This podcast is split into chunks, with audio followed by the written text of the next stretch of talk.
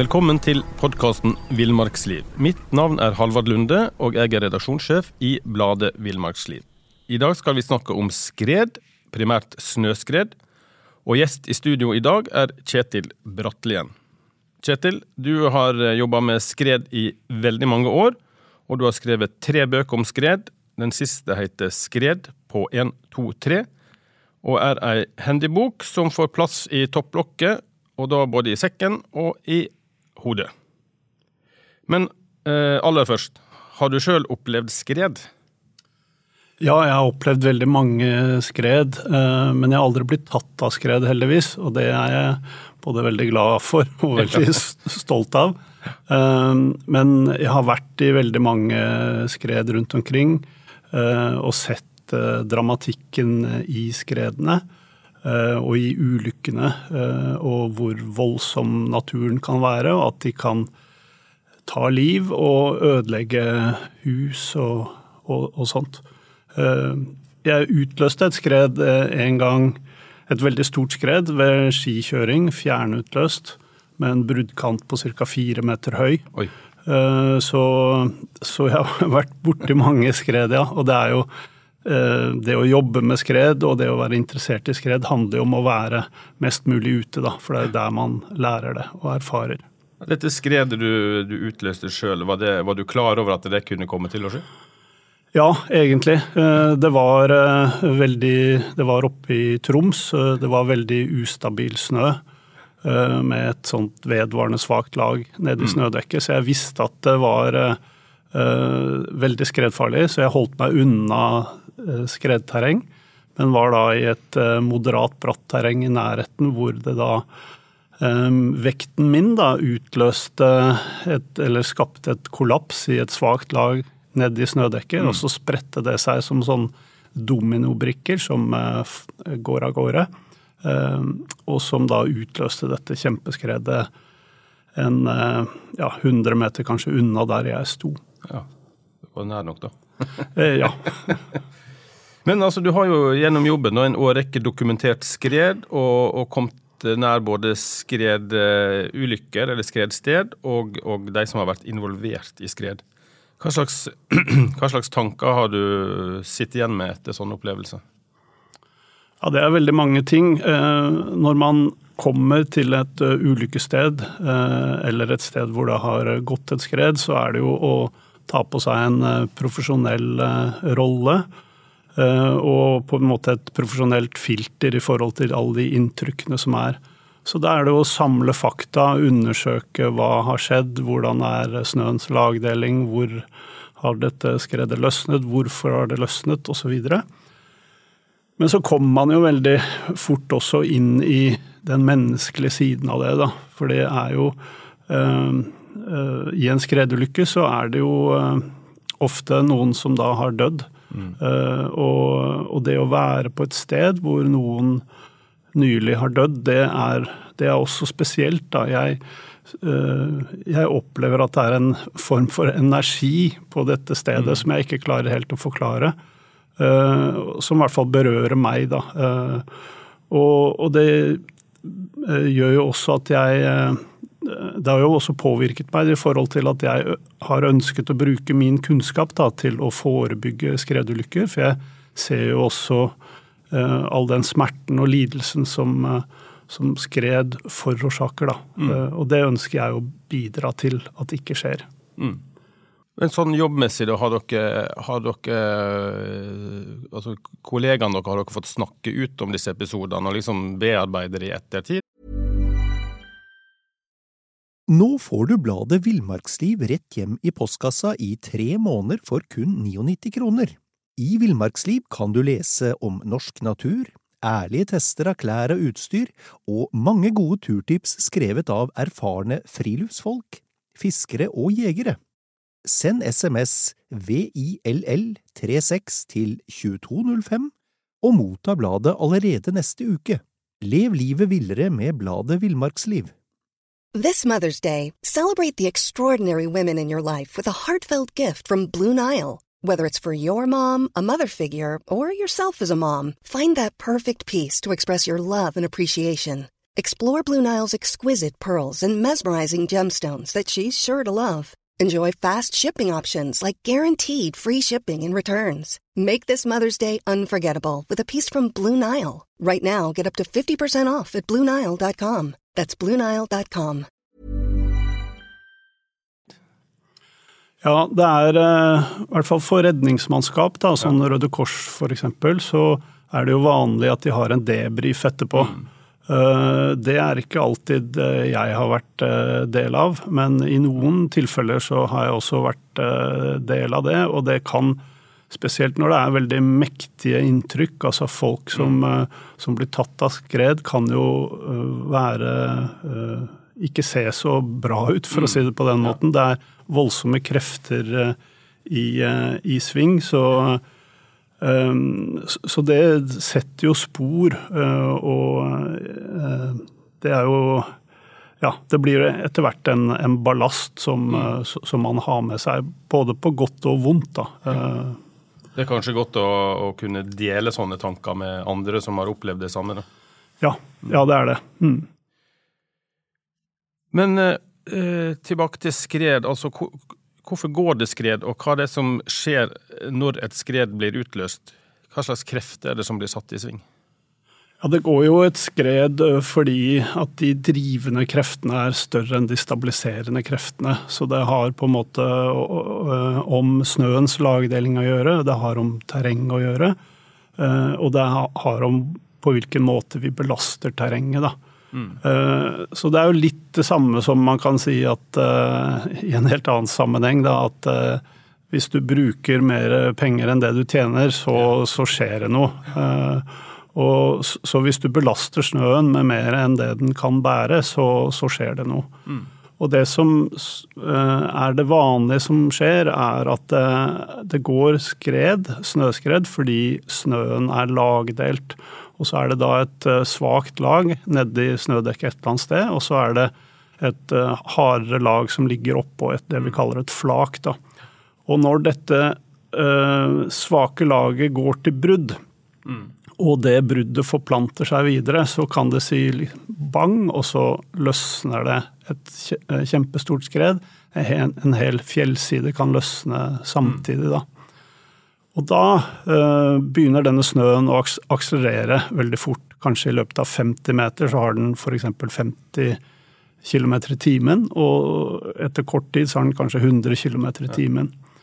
Eh, og snø er, er egentlig veldig tungt, da. Mm. Selv en, eh, en snøklump på 1 ganger 1 ganger 1 meter veier typisk 300 kilo. Og hvis du selv en sånn, sånn snøklump da, og treffes av den med 100 km i timen, 300 kilo midt i magen, det, selv det går ikke så veldig bra.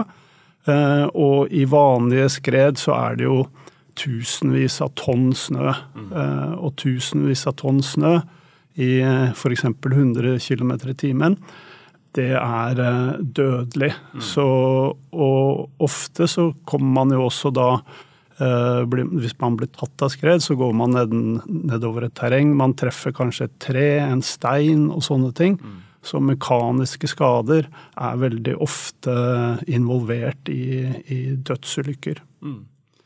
Og da er jo nøkkelspørsmålet her kanskje hvordan en unngår skred. Hva slags vurderinger bør man gjøre før en legger ut på tur? Ja, Det aller viktigste er å velge et terreng som er trygt. Eh, Det sier seg egentlig selv. Eh, Og det er heldigvis eh, mange, mange gode ting med snøskred. Fordi snøskredene er jo egentlig veldig lette å skjønne seg på. Det er ikke, det er ikke sånn at de en dag gjør én ting og en annen dag gjør en helt annen ting. Eh, Snøskred løsner i terreng som er brattere enn 30 grader. eh, Og det kan du enkelt eh, finne ut ved å studere kartet før du drar på tur. Eller f.eks. bruke RegOps-appen på telefonen, som eh, du kan ha med deg også med den stedstjenesten som viser hvor du er hen når du er ute. Så da kan du sjekke om du er i et terreng som er brattere enn 30 grader eller ikke. Eh, den, eh, sånn at de aller fleste dager så er du skredtrygg hvis du er i terreng som er Hvis du holder deg i terreng slakere enn 30 grader. Mm. Og 30 grader er veldig bratt. Det er nesten så bratt som unnarennet en hoppbakke, og det er jo altfor bratt for vanlige folk som er ute på tur. Men noen dager så kan du faktisk bli tatt av snøskred langt ut på en flate, langt unna bratt terreng. Eh, og det er på dager hvor det er spesielt skredfarlige forhold. Så det som er lurt, er å gå inn på varsom.no og sjekke skredvarselet. Er for nesten hele landet så er det et eh, skredvarsel som, eh, som du da kan, hvis Varsom sier at i dag er det må du holde deg unna utløpsområder for snøskred, så, så må du gjøre det. Og da kan du også da på denne RegOps-appen Eh, slå på et lag som viser utløpsområdet for snøskred. Mm. Så, så, det er, eh, så kort fortalt, 30-gradersregelen eh, er viktig. Sjekke kart, sånn at du vet hvor du er og, og om du er i skredterreng. Og tilpasse tur da etter forhold og ferdigheter og risikoaksept. Mm. Du skrev vel òg i eller i alle bøkene kanskje at, at 30 grader det er vel De fleste svarte løyper i alpinanlegg var, var det 24 grader du skrev? Ja, eh, det er eh, definisjonen på svart løype i norske alpinanlegg er terreng som er brattere enn 24 grader. Ja. Eh, og de fleste syns jo at svarte løyper er bratte nok, for å si det sånn. Ja. Eh, og ofte er, eh, hvis du drar eh, og måler det bratteste henget i en svart løype, ja. så er det ofte rundt 30 grader. Det er fryktelig sjeldent at mm. svart, noe terreng i svart løype er brattere enn 30 grader. Så, så det er ikke noe sånn stort tap å, å si at ok, 30 graders terreng, det, det, har vi stor respekt for. Og det oppsøker vi bare når det er liten skredfare. Mm. Eh, det med skredvarsling, sånn som varsom.no, så hadde jo disse skred, eh, skredvarsler altså, eh, Forstår folk det de leser der, eller hvordan kan du på en måte tolke det som, som altså faregrad 3, f.eks.? Ja, nei, det er ikke helt uh, intuitivt å, å, tolke det. Uh, skredfareskalaen, som, vi, som, er det viktigste produktet til skredvarslingen, den graderer jo skredfare i fem step. Fra faregrad 1 liten til faregrad 5 meget stor. Eh, og dessverre, da, for å si det på den måten, så skjer det de aller fleste ulykker uten at det er stor skredfare. Mm. De aller fleste ulykker skjer faregrad 2 og 3, altså moderat eller betydelig eh, skredfare. Eh, og det er ganske normale dager, da. Mm. Så, så, for å unngå snøskred, så må man både gjøre kloke valg når det er skredfarlige forhold, men man må også gjøre kloke valg på en vanlig dag, da, for å si det sånn. Men som, eh, som har sagt fjellfare, da, hvor, hvor, treffsikre kan folk være da i sine egne altså, analyser av type snøforhold og terreng og risiko? Hvis, hvis du har på en måte basiskunnskapen, kan folk flest ta gode valg da? Eh, eller, eller, trygge valg, for å si det sånn. Eh, ja, trygge valg kan man jo i og for seg ta ved å ta, velge trygt terreng. Mm. Eh, terrenget er veldig lett å ha kål på, for det kan du sjekke ut og planlegge før du drar på tur. Og terrenget er statisk. Men snødekket og snøens stabilitet den endrer seg hele tiden. Eh, så du kan grave i snøen eh, hvis du er ute på tur for å sjekke hvordan lagdelingen er, og om lagene henger godt sammen, eller om de er veldig mm. ustabile. Eh, og hvis du er hvis du er veldig lokalkjent, så har du kanskje god kontroll på hvordan forholdene er. Men hvis du eksempelvis tar flyet til Nord-Norge for å dra på jakt eller på topptur eller hva det nå enn er, så vet du sannsynligvis veldig lite om hvordan forholdene er der, der og da. Så, så, da må du ta det rolig til du har eh, fått oversikt. Eller ha med deg en guide. Eh, eller eh, som sagt igjen, da, eh, terrenget. Velg trygt terreng, så går alt bra. Er det noen faresignal ute i felt som en kan på en måte se? Eh, ja. Eh, det første og viktigste faresignalet som du alltid må ta hensyn til, er jo ferske skred. Har det gått, Ser du at det går skred, eller det har gått skred de siste to dagene, så er jo det et veldig veldig tydelig tegn på skredfarlige forhold. Eh, en annen eh, ting er jo det vi kaller skredvær, som er eh, Skredfaren øker jo når det snør mye, mye nedbør. Hvis det blåser mye, sånn som transporterer snøen, eller hvis temperaturen stiger brått eh, over null grader. Det, det er skredvær. Eh, og i tillegg så er det eh, tegn i, i, snøen ved at vi har sånne drønn i snøen som, hvor du hører at snøen setter seg, og du føler at den setter seg. Eller det vi kaller skytende sprekker, som er eh, at snøen sprekker opp rundt skiene dine. Og du ser at, eh, at, dette er eh, ikke en dag for å oppsøke bratt terreng. Du har jo lansert en metode for å minimere risiko for skred. Og det er en metode som, som består av tre spørsmål, nemlig hvorfor skal vi på tur? Hvor skal vi dra for å nå målet? Og hvordan kan vi gjennomføre turen på en tryggest mulig måte? Ja, det var en metode som jeg eh, foreslo i, i 2015, da jeg eh, skrev en eh, bok for Kagge forlag. Og, og, det var for å på en måte tvinge frem en, en mer verdibasert turplanlegging. Fordi hvis du Eh, drar ut i veldig farlig terreng, så innebærer det en stor risiko. Og det innebærer faktisk en, eh, en sannsynlighet som ikke er ubetydelig for at du ikke kommer hjem, at du dør på tur. Eh, så, så det å stille seg spørsmålet Eh, hvor stor risiko aksepterer jeg? Eh, har jeg en kontrakt overfor de som venter hjemme, at jeg skal komme trygt hjem? Og hva vil skje hvis jeg dør på tur eh, neste helg i et snøskred? Så gjennom det, da, denne verdibaserte tilnærmingen, så kan man da lage seg en liste om hvorfor man skal på tur.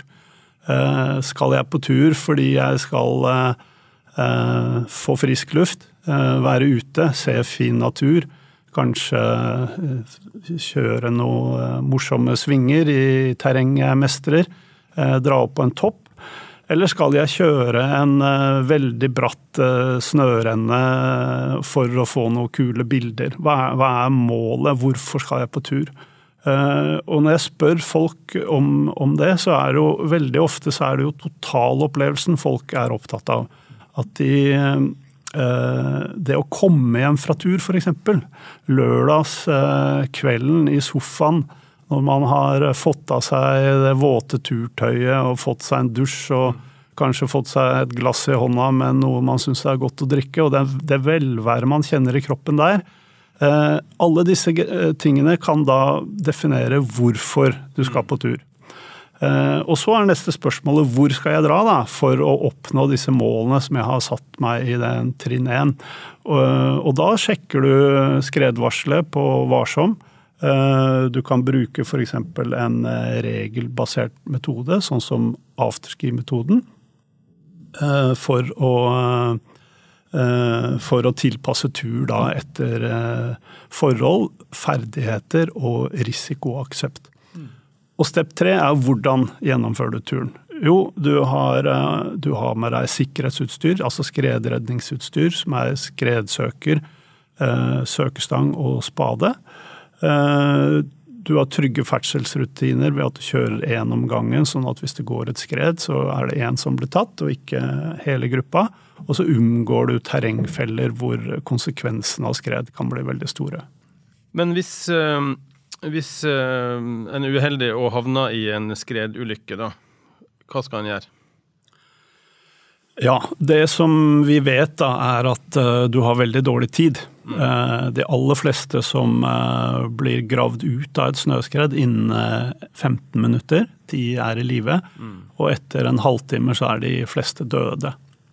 Så tiden er veldig kritisk. Så da får vi håpe da at du har med deg sikkerhetsutstyr som er skredsøker, spade og søkestang. Eh, og det første du gjør, eh, er jo da å sjekke eh, at egen sikkerhet Det har akkurat gått et skred. Mm. Er det trygt å gå inn og lete? Så det er punkt nummer én.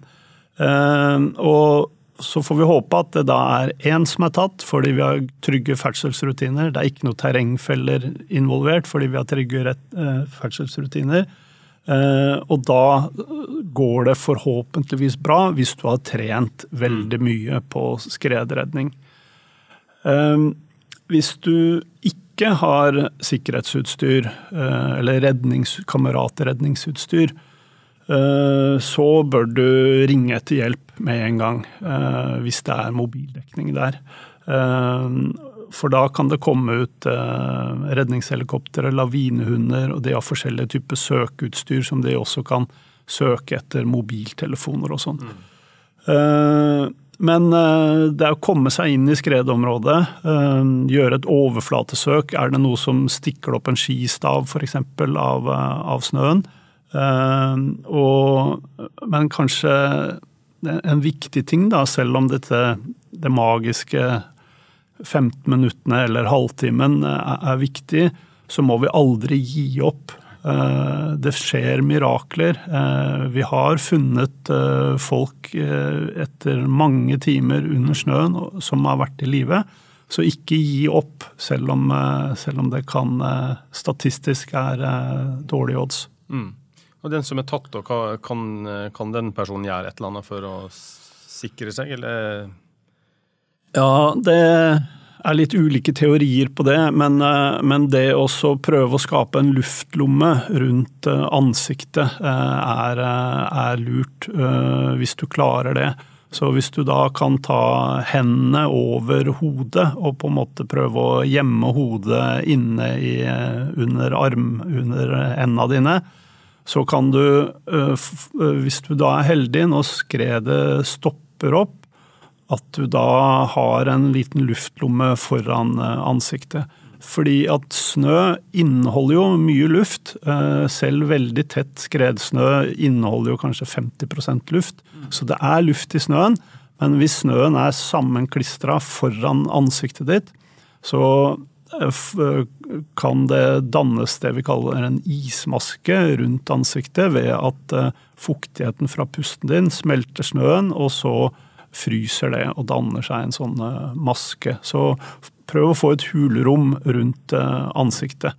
Eh, men det viktigste er jo ikke bli tatt av. Ja.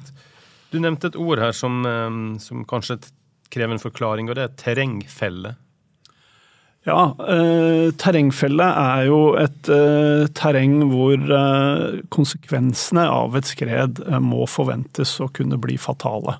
Eh, hvis du f.eks. Eh, som en del ulykker i Norge som skjer med, med jegere og andre skigåere, som da går i en, i en, bekkedal, og så løsner det et skred fra den ene bekkes dalsiden, da, og som da samler seg i bunnen av denne bekkedalen, sånn at du blir dypt begravd. Det, det er en eh, type terrengfelle. Ellers, hvis du går utfor et stup, f.eks., mm eller hvis du krasjer inn i trær med, med skred, med, i skredmassene, så kan, så kan selv et lite skred, hvis du da f.eks. kommer i 50 km i timen uh, i et lite skred med brystkassa først, inn i en fjellbjørk, og så er det 10 000 tonn med snø som, eller 1000 tonn med snø som dytter bakfra så går det ofte dårlig. Eh, og hadde ikke den fjellbjørka stått der, så hadde det gått helt fint. Så, så, så det er eh, eh, Så tenk, hva, hva, skjer hvis det går et skred nå? Og hvis svaret på det er at det går ikke bra, ja, så må du være helt sikker på at det ikke går noe skred, eller så må du snu og gå et annet sted. Du, I boka 'Snøskred livsviktig kunnskap' der intervjuer du bl.a. leder for hundetjenesten i Troms politidistrikt. Den gang hadde vedkommende vært med på mer enn 50 skredulykker. Og han har ikke tall på hvor mange han har gravd ut av skred. Og felles var at ingen overlevde disse skredene. Og det, det sier jo litt om disse oddsa, da, hvis du først blir tatt av skred. Det, de er ikke spesielt gode. Uh, nei, det var jo uh, et intervju da med Jon Tetli i politiet i Troms, uh, som du refererer til. og tiden er jo veldig kritisk, og, og, det er få som er i live etter en halvtime under snøen. Og de aller fleste tilfeller hvor organiserte redningsmannskaper kommer ut i et skred, så, så går det for lang tid til å finne folk i live. Eh, og statistisk sett så eh, dør ca. 50% av alle som er helt begravd av et snøskred. Eh, så én av to dør hvis du blir statistisk, hvis du er helt begravd. Så igjen da, det å ikke bli tatt er svært viktig. Og, og blir du tatt, så er kameratredning det er det eneste reelle alternativet ditt. Og, og, da må du ha kameratredningsutstyr, og så må du ha trent på, på redning. Og det gjelder alle som skal ut i uh, skredterreng. Mm. Og det er skredterreng også hvis du skal kjøre Kanskje hvis du kjører scooter inn til hytta, eller hvis du er på rypejakt. Det er på en måte ikke bare ekstremsportutøveren som, som møter skredterreng. Det, det, møter alle. Så ha utstyr og tren på kameratredning. Mm. Det er jo litt sånn at dersom du, du tar fingeren og holder den over, eh, over et stearinlys, så, så, så, brenner du deg. Du får en direkte tilbakemelding, og du, du trekker til deg fingeren. Men, eh, men, naturen, ute i naturen så kan jo folk eh, på en måte være på tur i årevis uten at de er utsatt for, for ulykke, og, og, naturen kan på en måte tilgi deg feilene dine. da. Bygger det opp en slags falsk erfaringsbasert trygghet, før det en dag på en måte ikke stemmer? da? Ja, det, det, er en av utfordringene med å eh, skaffe seg eh, erfaring i forhold til skredvurderinger og terrengvalg. Det er svake lag i snøen som, som du kan tråkke på, for å si det på den måten, mm. som kan utløse et skred. Det er litt som et minefelt. Sånn at hvis du i, en, i, en, uh, i en, et sted hvor det er miner, da, så kan mm. du jo gå over en åker, og det går helt fint. Ja. og så kan du gjøre det samme dagen etter, og så kan du den dag nummer tre så tråkker du på en mine, så, så, så du er død. og det å ikke bygge erfaring og, og, en trygghet rundt at det gikk jo bra. Mm men prøve å forstå hvorfor gikk det bra, eh, og hvordan er forholdene nå. Eh, og nå får du bladet Villmarksliv rett hjem i postkassa i tre måneder for kun 99 kroner. I Villmarksliv kan du lese om norsk natur, ærlige tester av klær og utstyr, og mange gode turtips skrevet av erfarne friluftsfolk, fiskere og jegere. Send SMS VILL36 til 2205 og motta bladet allerede neste uke. Lev livet villere med bladet Villmarksliv. Even when we're on a budget, we still deserve nice things. Quince is a place to scoop up stunning high-end goods for 50 to 80% less than similar brands. They have buttery soft cashmere sweaters starting at $50, luxurious Italian leather bags, and so much more. Plus, Quince only works with factories that use safe, ethical, and responsible manufacturing. Get the high-end goods you'll love without the high price tag with Quince. Go to quince.com/style for free shipping and 365-day returns. Uh, noen er jo opptatt av uh, det de kaller magefølelse, mønstergjenkjenning og sånn, uh, som da kan være basert på en en falsk eh, erfaringsbasert eh, trygghet. Da. Mm. Eh, så jeg er veldig for det som kalles regelbaserte metoder, mm. som brukes som et hjelpemiddel til å ta gode terrengvalg. Eh, og 30-gradersregelen er jo en sånn regelbasert metode, og så finnes det andre metoder som som afterski-metoden og en eh, sveitsisk grafisk reduksjonsmetode, mm. som man da kan bruke for å, for å ta riktige valg. Da. For, mm. Fordi at vi, vi, må ha veldig stor respekt for eh, naturens eh, uberegneligheter. Eh, og da må vi ha skikkelige systemer og egentlig en vitenskapelig eh, forståelse av, eh, av hva, hva, snø er, da, og mm. hvorfor det går skred. Eh, flere av de du har, har snakka med i bøkene dine, gir, har gitt uttrykk for at de følte seg nærmest udødelige. Er det en konsekvens av at du har nettopp vært på tur i så mange år at du, du tenker at du, du har kontroll på naturen? Ja, på én side så er det nok det, men jeg tror jo også at, eh, at vi har lett for å eh, distansere oss fra på en måte realitetene og, og mulige konsekvenser. Mm. Altså Når vi eh, ser på Dagsrevyen at det har vært en trafikkulykke, så er det, det er på en måte noe som skjer med andre. Og hvis vi leser om en skredulykke, så det er noe som skjer med andre. Uh, og det var noe av det som, eh, som, som eh, jeg syns var litt sånn tankevekkende når jeg intervjuet folk som hadde vært i skredulykker, var jo nettopp det at de ble jo selv overrasket at de plutselig var de som var Det var dem det sto om i avisen. Mm. Uh, og, og, det er så lett å, å, å, tenke at dette rammer ikke oss. Uh, dette er Eh, vi er på en måte eh, immune for dette her, fordi vi er eh, Ja, vi har utstyr, og vi har kunnskap, og vi har jo vært ute en vinternatt før, osv.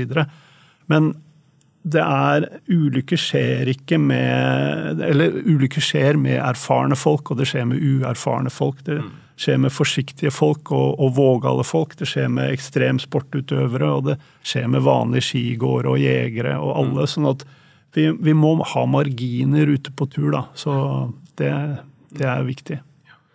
De som overlever ulykker, sliter ofte med dårlig skyldfølelse. Føler de at de på en måte burde ha sett det komme, eller gjort noe annet, eller gjort andre valg? Ja, altså øh, Når noe går galt, så er vi jo går vi jo inn i en eh, analytisk eh, fase. Hva, hvorfor skjedde dette? Er det noe jeg kunne ha gjort annerledes? Og det kan man jo uh, bruke i hverdagen. Uh, vi gjør jo feil hver eneste dag i vårt daglige liv, daglige virke. Uh, og hvis da den feilen, eller trenger ikke være en feil engang, du har, du har vært med på noe, og så har noe gått galt. Kanskje du kunne gjort noe annerledes. Kanskje du kunne Kanskje dere ikke burde dratt på tur den dagen. Kanskje dere burde hatt med Eh, noe annet eh, utstyr, tatt noen andre valg. Eh, og da er jo det å bebreide seg selv da, er jo veldig naturlig. Og, og, det er jo Når det er noen som har dødd i tillegg, så er det jo klart at den, den byrden kan jo være voldsomt stor. Men jeg I etterklok på klokskapens lys så er jo alt klart, og alle svar er, er jo selvsagte. Mm. Men uh, alt vi gjør er jo på en måte det beste vi kunne der og da. Uh, og så går det noen ganger uh, dårlig, og de fleste ganger så går det jo bra pga. flaks eller, mm. eller, at det bare, bare går bra. Men, men, vi må prøve å lære av ulykkene, da, sånn at den dyrkjøpte erfaringen og den skyldfølelsen som kanskje noen har, at vi andre lærer av det eh, i forhold til hvordan vi planlegger turer og gjennomfører turer. Mm. I boka 'Snøskred livsviktig kunnskap' da har du et sterkt møte med en ung gutt som mista faren sin i et skred i Vesterålen. Og han, han uttaler at uh, folk må slutte med farlige ting når de får seg familie. Og at hvis farlige aktiviteter er så viktig for deg, så får du heller vente med å stifte familie. Har han gutten et poeng? Jeg syns jo det. Uh, Hans Martin uh, intervjuet jeg jo i, i 2015, og det satt veldig dype spor i meg og i, i mange andre. de refleksjonene hans. Uh, og det er jo en tid for alt. Uh, og, og, friluftsliv kan vi jo uh, drive på en trygg måte.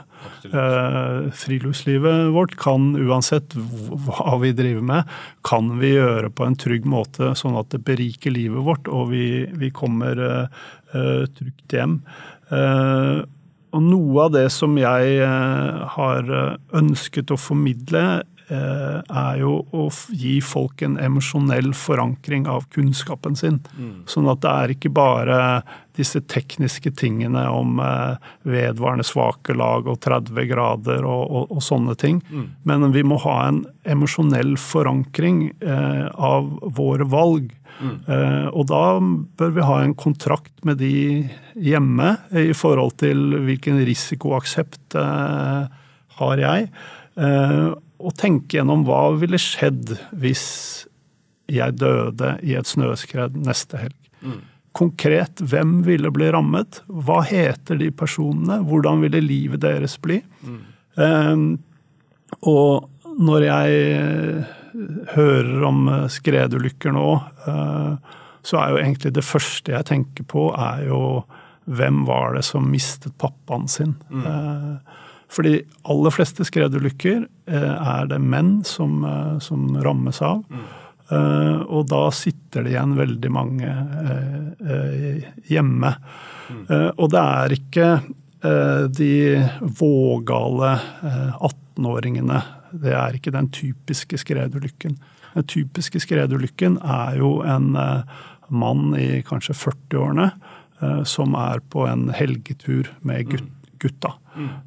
Og, og, en mann i 40-åra har jo veldig ofte barn. Han har eh, kone, samboer, han har familie, han har eh, foreldre som er i livet, han har søsken, han har venner naboer, kolleger osv. Så, videre. så det er så enormt mange som rammes, sånn at vi må, vi må være, ha enda større respekt overfor naturen og mm. ha større marginer Eh, og huske på at du kommer trygt hjem hvis mm. du velger trygt terreng. Ja. Disse mennene på 40 år, finnes det en, en fellesfaktor for at akkurat de havna i, i skredulykker? Det er et vanskelig spørsmål. Ja. Jeg tror noe av det skyldes jo tidsklemma. At man har eh, man har eh, den tredje helgen i februar, da skal man på tur. Og det har man bestemt eh, lang, lang mm. tid. har bestemt at den skal gå akkurat på den toppen. Nemlig. Eh, så,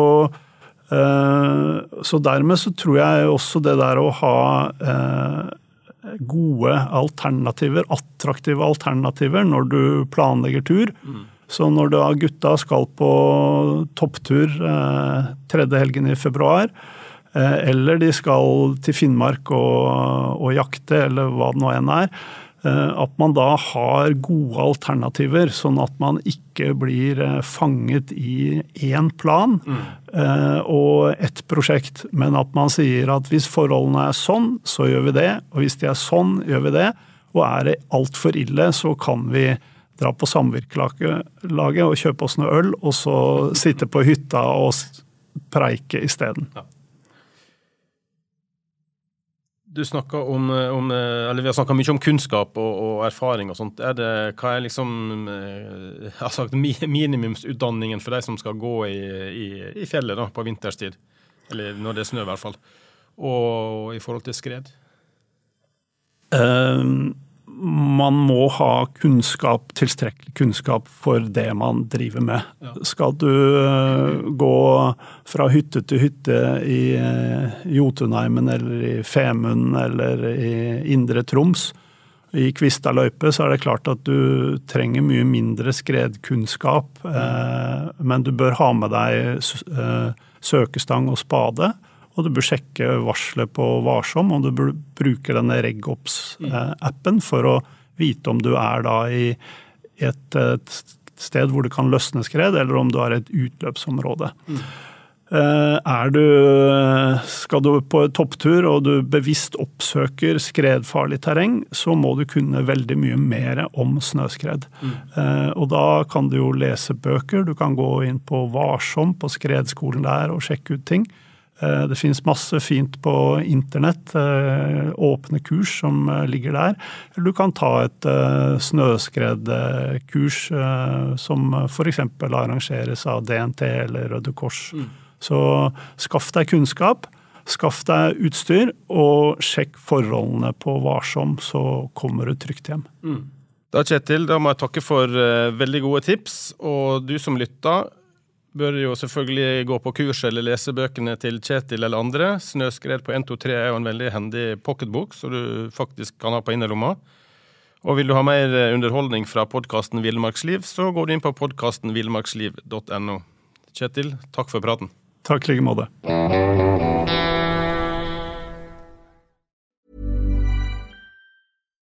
Nå får du bladet Villmarksliv rett hjem i postkassa i tre måneder for kun 99 kroner. I Villmarksliv kan du lese om norsk natur, ærlige tester av klær og utstyr, og mange gode turtips skrevet av erfarne friluftsfolk, fiskere og jegere. Send SMS VILL36 til 2205 og motta bladet allerede neste uke. Lev livet villere med bladet Villmarksliv. A lot can happen in the next three years. Like a chatbot may be your new best friend. But what won't change? Needing health insurance. United Healthcare Tri Term Medical Plans are available for these changing times. Underwritten by Golden Rule Insurance Company, they offer budget friendly, flexible coverage for people who are in between jobs or missed open enrollment. The plans last nearly three years in some states, with access to a nationwide network of doctors and hospitals. So, for whatever tomorrow brings, United Healthcare Tri Term Medical Plans may be for you. Learn more at uh1.com. Hey, it's Paige DeSorbo from Giggly Squad. High quality fashion without the price tag? Say hello to Quince. I'm snagging high end essentials like cozy cashmere sweaters, sleek leather jackets, fine jewelry, and so much more. With Quince being 50 to 80% less than similar brands. And they partner with factories that prioritize safe, ethical, and responsible manufacturing. I love that. Luxury quality within reach. Go to quince.com slash style to get free shipping and 365 day returns on your next order. Quince.com slash style.